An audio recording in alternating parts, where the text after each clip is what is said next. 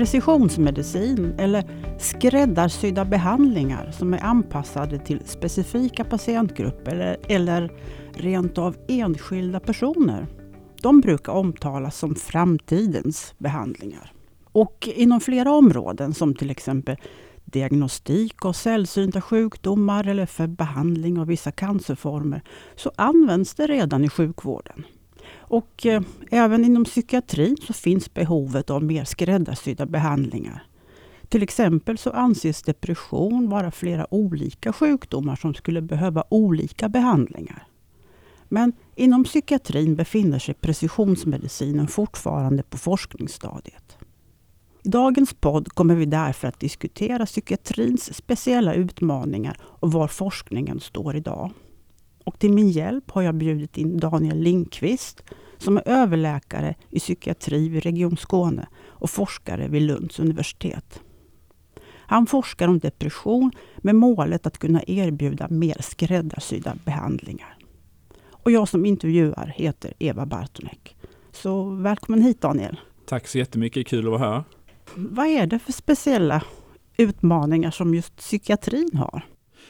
Ja, precis. Grunden tror jag är att vi ännu inte vet tillräckligt mycket om vad som orsakar våra sjukdomar. Ehm, och det är ju det jag har forskat på väldigt mycket kring just biologin bakom eh, framförallt ångest och depression.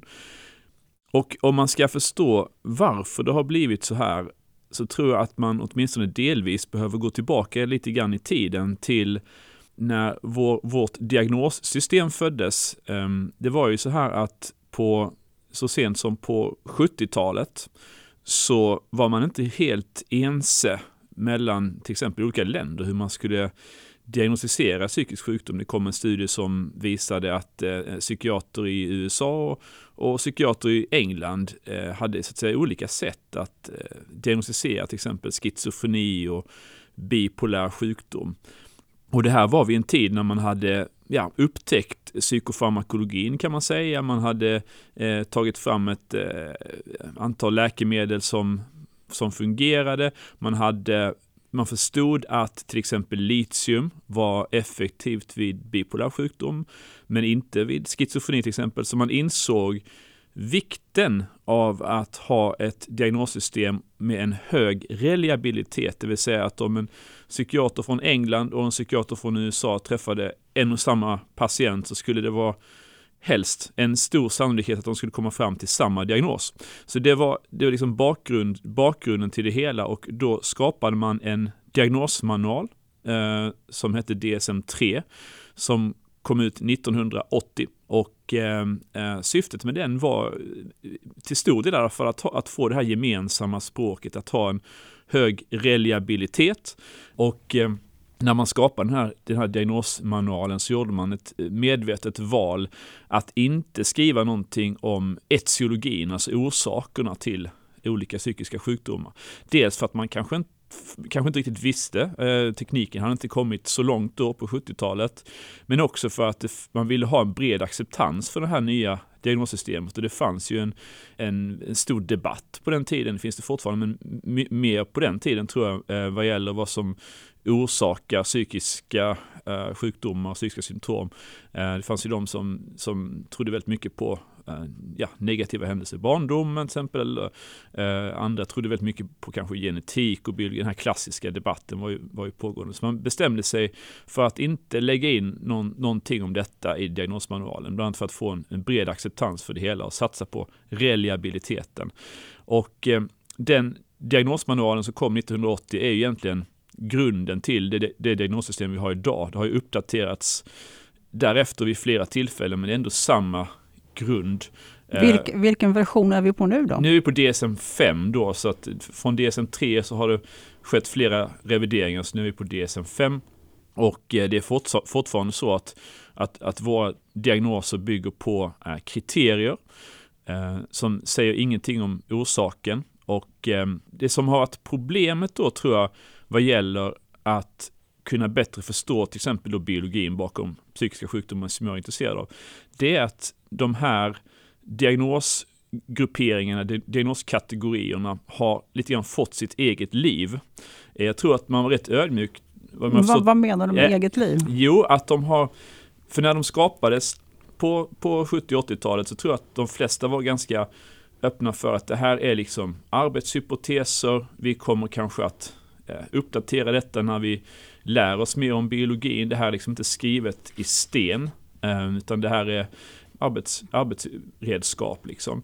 Eh, men efter, allt, eftersom tiden har gått så har de här diagnoskategorierna blivit levande och fått en egen inneboende betydelse om man säger så. Man har, man har haft svårt tror jag inom forskningen att gå utanför boxen, att titta kanske att undersöka biologiska markörer som kanske går mellan de här diagnoskategorierna eller bryta upp de här diagnoskategorierna och hitta smågrupper inom dem som har mm. en viss biologi. Man har hållit sig ganska hårt till de här de här gränsdragningarna mellan olika diagnoser okay. som kanske inte stämmer överens med naturen eller eh, biologin. Mm. Det har till och med varit så tror jag att eh, eh, mina äldre kollegor har berättat att när de sökte forskningsmedel eh, tidigare så, så var man liksom tvungen att hålla sig till de här. Man, man, man fick liksom inte riktigt eh, ja, tänka utanför boxen och, och vara alltför kreativ när man skulle skriva sina anslagsansökningar. Mm, Okej, okay. men, men jag tänkte kan du ge ett konkret exempel på hur gör du när du som psykiater när du träffar en patient och ska då ställa diagnos och så har du den här manualen där att gå efter. Hur, hur, hur går det till? Ja, och det ska jag säga också att det, de här manualen är, är bra eh, eh, och den, an, den, ska användas i kliniken eh, för det är, liksom, det är det bästa redskap vi har. Det, min poäng kanske är kanske att när man forskar på detta så skulle man kanske inte behöva hålla sig lika hårt till de här kriterierna och det är någonting numera som uppmuntras i forskningen när man söker anslag och så vidare. Att man ska kunna tänka fritt och gå över diagnosgränsen. Det finns jättemånga sådana initiativ. Men åter till din fråga. När jag träffar en patient eh, och låt säga då att jag vill ställa diagnosen depression.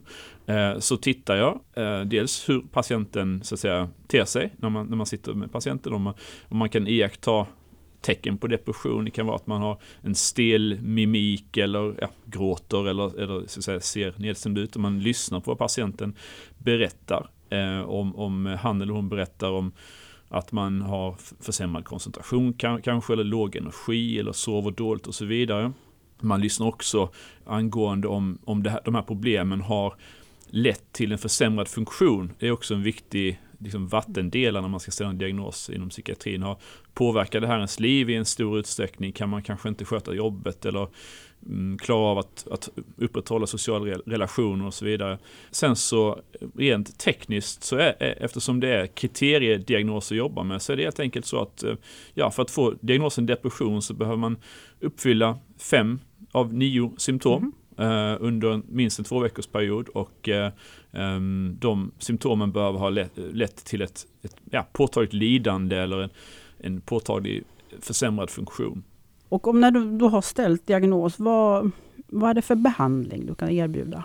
Ja, om man återigen då, eh, tar exemplet depression som jag jobbar med, så eh, förstahandsbehandlingarna eh, oftast eh, läkemedelsbehandling, antidepressiva läkemedel, eh, i första hand kanske det som kallas för SSRI, selektiva eh, serotoninåterupptagshämmare som då mm. ökar serotonin i, i den här synapsklyftan, alltså det här lilla utrymmet mellan hjärncellerna. Mm, så det är liksom en, en signalsubstans i hjärnan som associerar att nervsignalerna går gå fram i hjärnan helt enkelt. Så kan man säga mm, förenklat, mm. precis. Så det är den ena eh, delen. Den andra delen är psykologisk behandling. Och eh, där är det så att det är då KBT, kognitiv beteendeterapi, som har eh, det bästa evidensen, det bästa beviset för att kunna behandla depression. Så det är de två, jag ska säga, huvud, mm.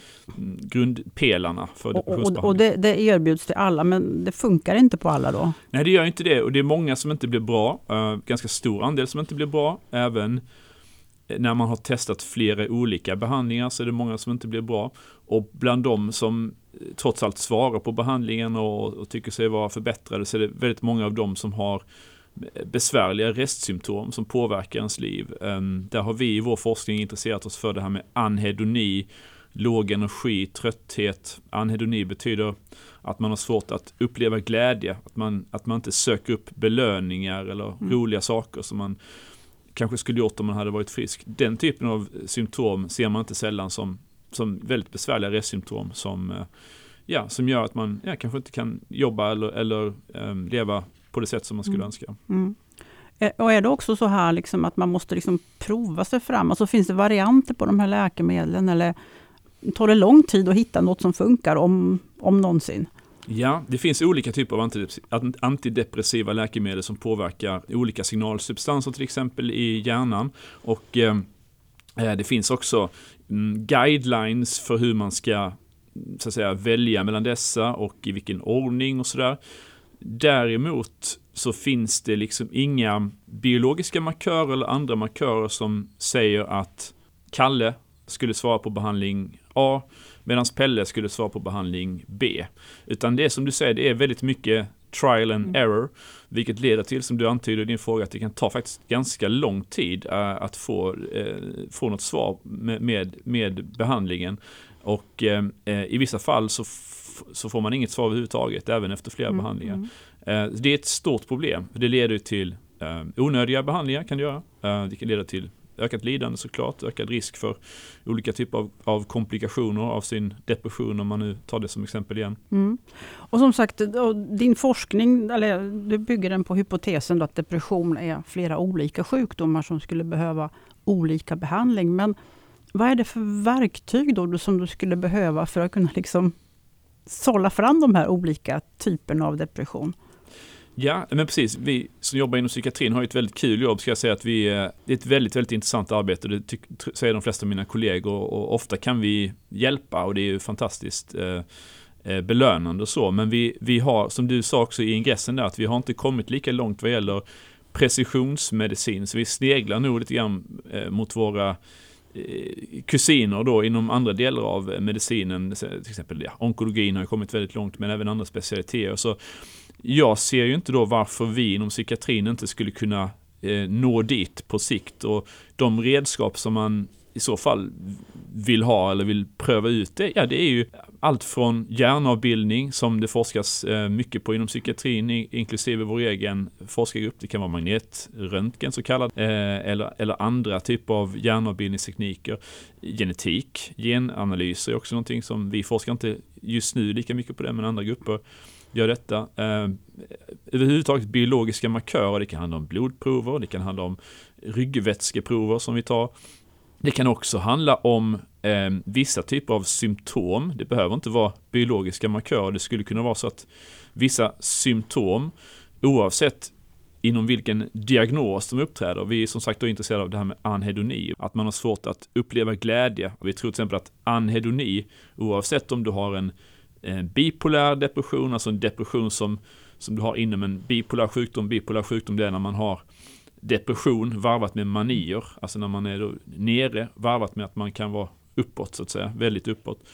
Vi tror då att anhedoni kan vara ett symptom som kommer vid en, kan komma vid en bipolär depression eller en vanlig depression så att säga utan manier eller vid en, en mer kronisk låggradig depression och att det här anhedonisymptomet då ska behandlas på ett specifikt sätt oavsett vilken diagnos du har. Så det är också ett sätt att, mm att, att säga, göra precisionsmedicin. Det behöver inte handla om biologiska markörer, även om det förstås är extra mm. tilltalande tycker jag. Men det skulle även kunna vara eh, symptom helt enkelt, eh, som, som guidar en eh, bättre i, i behandlingsvalen än man kan göra idag. Mm. För annars får jag en känsla av att, att jag har intervjuat flera forskare som håller på med precisionsmedicin på olika sätt. Att det, man är ute efter det här blodprovet som är så enkelt att ta och sen så analyserar man efter någon markör eller så. Absolut, och det är ju, det är ju, ska säga, det är ju den, vad ska man säga, den heliga graalen då kanske man ska säga in, inom psykiatrin, absolut. Och det är där vi, dit vi vill komma på sikt. Men precisionsmedicin, eh, egentligen så handlar det väl om att hitta metoder att kunna så att säga skräddarsy behandling eller kunna säga någonting om, ehm, eh, om, om sjukdomsförloppet till exempel, eh, som tillför någonting, man ska säga då, utöver uh, de diagnoser som vi redan har. Så där, jag menar, där sätter ju egentligen bara kreativiteten och fantasin mm. gränser vil, vilka typer av metoder man kan använda där. Så bi biologiska metoder är ju det man tänker på i första hand, men det behöver kanske inte vara så. Nej. Du är då speciellt intresserad av, av en undergrupp av depression som, som ni kallar för inflammatorisk depression, där den här låggradiga inflammationen då är central i det här. Och eh, jag har läst en artikel som du och dina kollegor publicerade för några år sedan och som jag tyckte var väldigt intressant. Och ni pratar om då uppströms och nedströms mekanismer, alltså sånt som händer innan den här inflammationen uppstår och, och, och hur det sen leder till då ge upphov till, till, till depression. Kan du liksom förklara lite mer, vad, vad handlar det om? Ja, absolut. Precis som du säger, så vi, vi tror att, att eh, då, låggradig kronisk systemisk inflammation skulle kunna ge upphov till depressiva symptom i vissa fall. Inte hos alla som har depression, men i vissa fall. Och precis som du säger så kan en, den här låggradiga inflammationen orsakas av väldigt många olika saker. Eh, det finns jättemånga exempel på detta. Det kan vara mm, en genetisk eh, belastning eller, eller det kan vara livsstilsfaktorer vi är intresserade av. Ehm, Vad kan det vara för livsstilsfaktorer? Man vet att till exempel om man har övervikt, eh, fetma, så kan det vara kopplat till en eh, låggradig inflammation, stillasittande eh, kontra fysisk aktivitet. Möjligen också att vissa typer av dieter kan mm. Ehm, ge ett säga, underlag för detta. Ehm, det finns jättemånga studier som har tittat på kopplingen mellan eh, autoimmuna sjukdomar och eh, psykiska problem. Det finns sannolikt en koppling där också. Infektioner har man också undersökt. Så det finns liksom många vägar eh, mot den här kroniskt, kroniska låggradiga inflammationen som vi tror kan vara relevant i alla fall vid, mm. vid det. Så det är många vägar som leder in till det här då. Och då kan, då kan den här låggradiga in, eh, inflammationen sen ge upphov till depression. Det behöver ju inte göra det. Nej. nej, nej. Och vad, vad, vad har ni för tankar kring mekanismer där då? Liksom?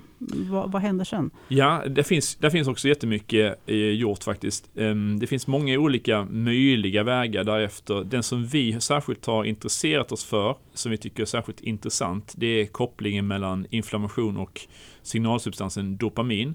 Ehm, dopamin är ju en väldigt viktig signalsubstans för, ja, dels för rörelse och sådana saker, det är ju inblandat i Parkinsons sjukdom, men också för känslolivet. Eh, återigen, anhedoni, förmågan att uppleva glädje, att, eh, att kunna njuta av belöningar, att motivera sig, att komma igång, att ha liksom, psykisk energi, drive. Eh, alla de funktionerna vet man är, är väldigt tajt kopplat till dopamin och inflammation kan eh, på olika sätt påverka syntesen av dopamin, um, hur, hur, liksom signal, hur dopamin signalerar i hjärnan uh, via olika mekanismer. Man vet också att uh, man har sett att i stora material så verkar det som att det finns vissa depressionssymptom som är lite mer um, inflammatoriska, om man säger så, än andra. Och de, de vet man är till exempel trötthet, låg energi, glädjelöshet till exempel. De symptomen vet man också är kopplade till dopamin eh, utifrån både djur och, och människostudier.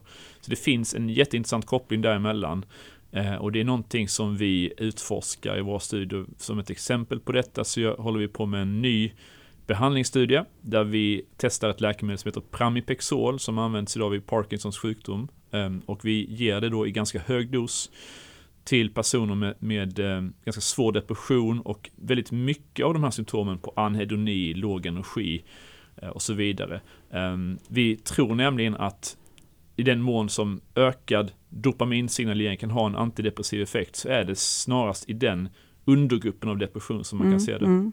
Så då, och, då använder ni då en medicin som faktiskt redan finns på marknaden, är godkänd i och för sig för en annan sjukdom, men det borde bli lätt, lättare att få den godkänd för detta också sen. Absolut, mm. det är en fördel faktiskt. Det, det, har du helt rätt i där. Eh, det kallas för, ja, på engelska då, drug repurposing. Mm. Att man, eh, ja som du säger, att man tar ett läkemedel som redan finns på marknaden och testar det för en annan indikation. Om man då får en, en, ett positivt resultat här så kan ja, kan vara billigare för samhället eh, helt enkelt. Att eh, det kan gå snabbare också att få ut det så att säga till, till eh, patienterna jämfört med om man testar ett helt nytt läkemedel som kanske ett läkemedelsföretag har patent på och så vidare. Så det finns samhällsekonomiska vinster med att använda sig av mm. den här designen som vi gör faktiskt. Men, och, och som sagt, ni håller på med en studie då går det bra? Hur går det? Kan du säga något om, liksom, eh, ja, har du fått några resultat? Ja, just på den studien så har vi inte fått några resultat ännu. Vi har, eh, än så länge för, eh, har det gått in ungefär 30 patienter tror jag. Eh, vi ska ha ungefär 80 patienter. Så.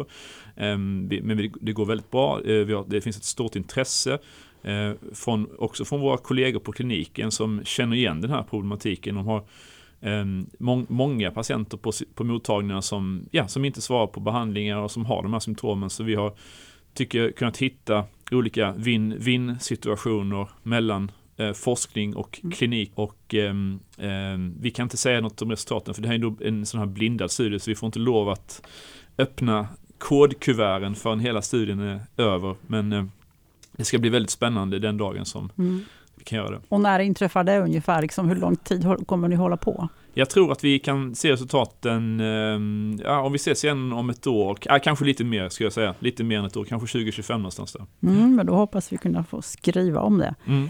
Och, och det skulle då innebära att, att eh, om det är positiva resultat, att man sen skulle kunna liksom börja använda den här behandlingen då i, i klinik. Jag Ganska, tror, ja. ja. men precis, jag, det är min förhoppning eh, och det bygger ju också på, man vill ju helst ha Eh, mer än en studie, eh, mer än en positiv studie eh, och helst från olika grupper, kanske i olika delar av världen till och med, för att, för att man ska kunna känna sig säker på att det här har en eh, god effekt. Nu vet jag att det pågår andra studier eh, i andra delar av världen, folk som tänker likadant som vi, så min förhoppning är att, eh, att det ska kunna, kunna komma patienterna till nytta om vi får mm. positiva resultat och mm. om andra grupper också får det. Sen ska jag säga också att vi pratade om hjärnavbildning tidigare, vi gör ju faktiskt hjärnavbildning på de här patienterna också före och efter behandling. Vi, vi, vi gör eh, magnetröntgen, eh, slarvigt uttryckt, med en liten uppgift. När man ligger då i den här magnetkameran så får man så att säga, lösa en uppgift så snabbt man kan och så kan man då vinna pengar helt enkelt eh, i samband med detta. Och då ser man, kan man se i, på kameran om ens belöningssystem aktiveras. Och det vet man sedan tidigare att folk som har depression har en lägre aktivering i belöningssystemet. Men vi hoppas då att med det här läkemedlet så ska vi kunna se det ska kunna öka aktiviteten i belöningssystemet med behandling. För det skulle vara ytterligare då ett tecken på att vi påverkar rätt strukturer. De strukturer i hjärnan som vi är intresserade av. Det skulle säga, ge ytterligare, ge ytterligare styrka till en sån här studie. Ja, men det låter jättespännande det här. Mm. Men, men eh, bara för att hålla mig kvar vid det här då, de här biomarkörerna. Hur identifierar ni de här patienterna? Då, då mäter ni också dopaminnivåer och ser att det här liksom massa symptom på depression som uppfyller kriterier och sen så har de en lå, låga dopaminnivåer. Är det, är det det som är biomarkören så att säga? Ja, precis. Mm. Ja, precis. När, vi tar, när de går in i studien så eh, tittar vi framförallt på anhedonisymptom. För det är det eh, som är så att säga eh, inklusionskriteriet. Då, va? Sen så gör vi även, vi gör då dels tar blodprover och eh, det som kallas lumbalpunktion, alltså ryggvätska tappar vi ut. Och eh, som sagt det här magnetröntgen eh. Så, så vi kommer att analysera biomarkörer i blod, eh, likvår, ryggvätska och med hjärnavbildning. Eh, och då kommer vi fokusera väldigt mycket som du mm. säger på dopaminmarkörer. Absolut. Mm. Ja, lätt, jättespännande. Mm. Och då kanske vi också ska förtydliga här att när vi pratar om det här med låggradig inflammation, att det hjälper inte att ta Ipren mot depression. Nej, det gör det inte. Det ska jag säga. Även om det finns studier som har testat eh, just detta eller testat då eh, NSAID eh, liknande preparat mot depression. Vad är det för, för preparat? Alltså NSAID, det är typ Ipren till exempel. Det finns andra exempel också. Celecoxib har man testat, tror jag, i flera studier vid depression. Det finns positiva studier faktiskt, ska jag säga, men det finns också negativa mm. studier. Det är ingenting som vi liksom rekommenderar. Det finns inte tillräckligt stark starkt bevis i nuläget för att kunna liksom rekommendera det på, till, till, till alla med depressioner. Mm. Har du andra studier på gång? Ja, vi har flera, flera spännande studier. Vi har precis eh, avslutat en studie där vi har testat eh, omega-3 fettsyror som har antiinflammatoriska egenskaper. Jag har gjort tillsammans med eh, min doktorand Klara Sunesson med flera som ska, som ska disputera nu i januari. Jag kan rekommendera folk att gå dit. där har vi testat omega-3 fettsyror vid depression och vi har haft som då hypotes att de som har den här låggradiga inflammationen ska svara bättre på omega-3 fettsyror än de som inte har en låggradig inflammation. Eh, och där har vi faktiskt sett eh, positiva fynd, kan man säga delvis positiva fynd. Vi, när vi delade in patient, patienterna i inflammation eller icke-inflammation så använde vi CRP, eh, snabbsänkan, fast en en högkänslig variant av snabbsänkning kan man säga. Och vi kunde se att när vi delade in dem om man hade högre eller lägre än 1, vilket är en väldigt liksom, låg, låg tröskel ska man säga för, för att definiera inflammation, så kunde vi se att de som hade över 1 i högsensitivt CRP hade bättre antidepressivt svar än de, som hade, de som hade under 1. Men vad gör de här fettsyrorna? De dämpar inflammationen eller vad, liksom, hur funkar det? Ja, det finns olika mekanismer uh, hur uh, omega-3 fettsyror kan vara um, antiinflammatoriskt. Det finns uh, bland annat metaboliter från omega-3 fettsyror som har en vad ska man säga, antiinflammatorisk effekt. Men det är väl belagt kan man säga att de har en antiinflammatorisk effekt både från från djur och människostudier. Um, så att det, det, och det har tidigare testats vid depression i ganska mm. många studier, omega-3 fettsyror. Då har man gjort det till och med sådana här Cochrane-översikter på detta, men sett ganska mm, ja, modesta effekter, liksom, eh, ganska små effektstorlekar. Därför ville vi se, kanske kan det här ha en plats trots allt, mm. men, men hos den här undergruppen då med inflammatorisk depression. Så vi får se Ehm, den som kommer på Klara Sunessons disputation kan få veta mer om detta och eh, ställa frågor till henne. Probiotika är någonting som figurerar också. Ja, där har vi också, där har vi också varit inne och eh, undersökt detta. Det finns ju en jättespännande eh, hypotes om att eh, eh mag och tarmkanalen och eh, så att säga, mikrofloran och eh, mm, bal mikroflorans balans och sammansättning och mm, genom, graden av genomsläpplighet mellan tarm och blodbana, det kan ju variera, att det kan ha re relevans för hjärnan och till och med kanske för hjärnans sjukdomar. Då. Eh, depression är ju ett exempel på detta. Eh, beviset för detta, ska man vara helt eh, ödmjuk och säga, kommer ju framförallt från djurstudier, till exempel där man har fött upp eh, möss eh, så att säga, helt utan en tarmflora. Man kan ju göra det med germ-free mice och så har man då kan man manipulera tarmfloran på olika sätt. Man kan sätta dit en, en frisk eller sjuk tarmflora på de här mössen. Man kan behandla dem med antibiotika. Man kan göra, liksom manipulera det på många olika sätt. Och så kan man se så att säga, utfallet hos de här mössen i form av Eh, vilket beteende de har. Man kan undersöka hjärnan och så vidare. På, på det sättet har man sett en, en tydlig koppling då mellan, mellan tarmflora, mag och tarmkanalen och hjärnan. Däremot så har ju inte lika mycket gjorts på människa. Och det är förstås, kan ju vara vanskligt att översätta eh, resultat från möss till människa. Så att det, jag ska säga, även om det här är superintressant, jag tycker verkligen att man ska forska på det, så är det för mig i alla fall oklart i nuläget vilken liksom, relevans det här kommer ha på mm. sikt för eh, patienter med depression till exempel eller andra eh, hjärnsjukdomar. Mm. Men tarmfloran den påverkas ju också av vad man äter, så man kanske ska äta lite mindre hamburgare. Ja, det kanske man ska göra. Eh, det, är också, det där är också ett intressant område, kopplingen mellan kost och eh, eh, psykiska sjukdomar, som inte är helt lätt att reda ut. Men mm. det finns ju Eh, mm, tvärsnittsstudier finns det ju, som talar för att vissa mm, dieter eller kostvanor skulle vara kopplat till en eh, minskad risk för olika psykiska sjukdomar, till exempel depression. Eh, svagheten med den typen av studier är ju alltid att det kan vara en så kallad bias där. Att man kan ju vara, det kan ju vara så att de som äter en viss, eh, som har vissa dietmönster eh, vad ska man säga, och lyckas hålla det också har andra faktorer då som, som gör att man löper mindre risk för depression. Mm. Men det är en jättespännande koppling. Du, om vi skulle lyfta blicken lite grann och se vad, vad sker ute i världen när det gäller precisionspsykiatri? Vad, vad, skulle, vad ligger i forskningsfronten?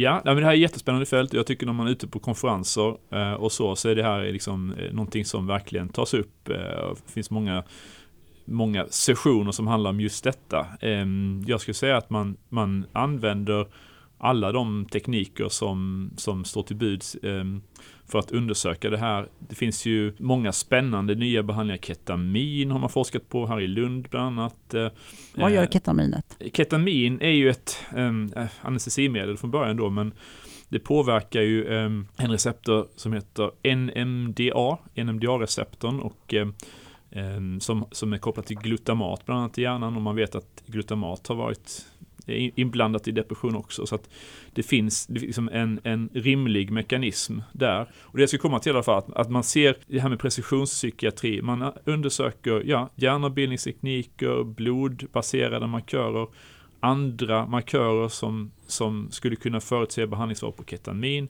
eh, och på andra typer av behandlingar, inte bara inom, inom depression, utan det här pågår också förstås inom till exempel psykosforskning och eh, på andra sätt. Så det, det, jag tror det pågår jättemånga initiativ runt om i världen och eh, eh jag, har, jag har positiva förväntningar på detta.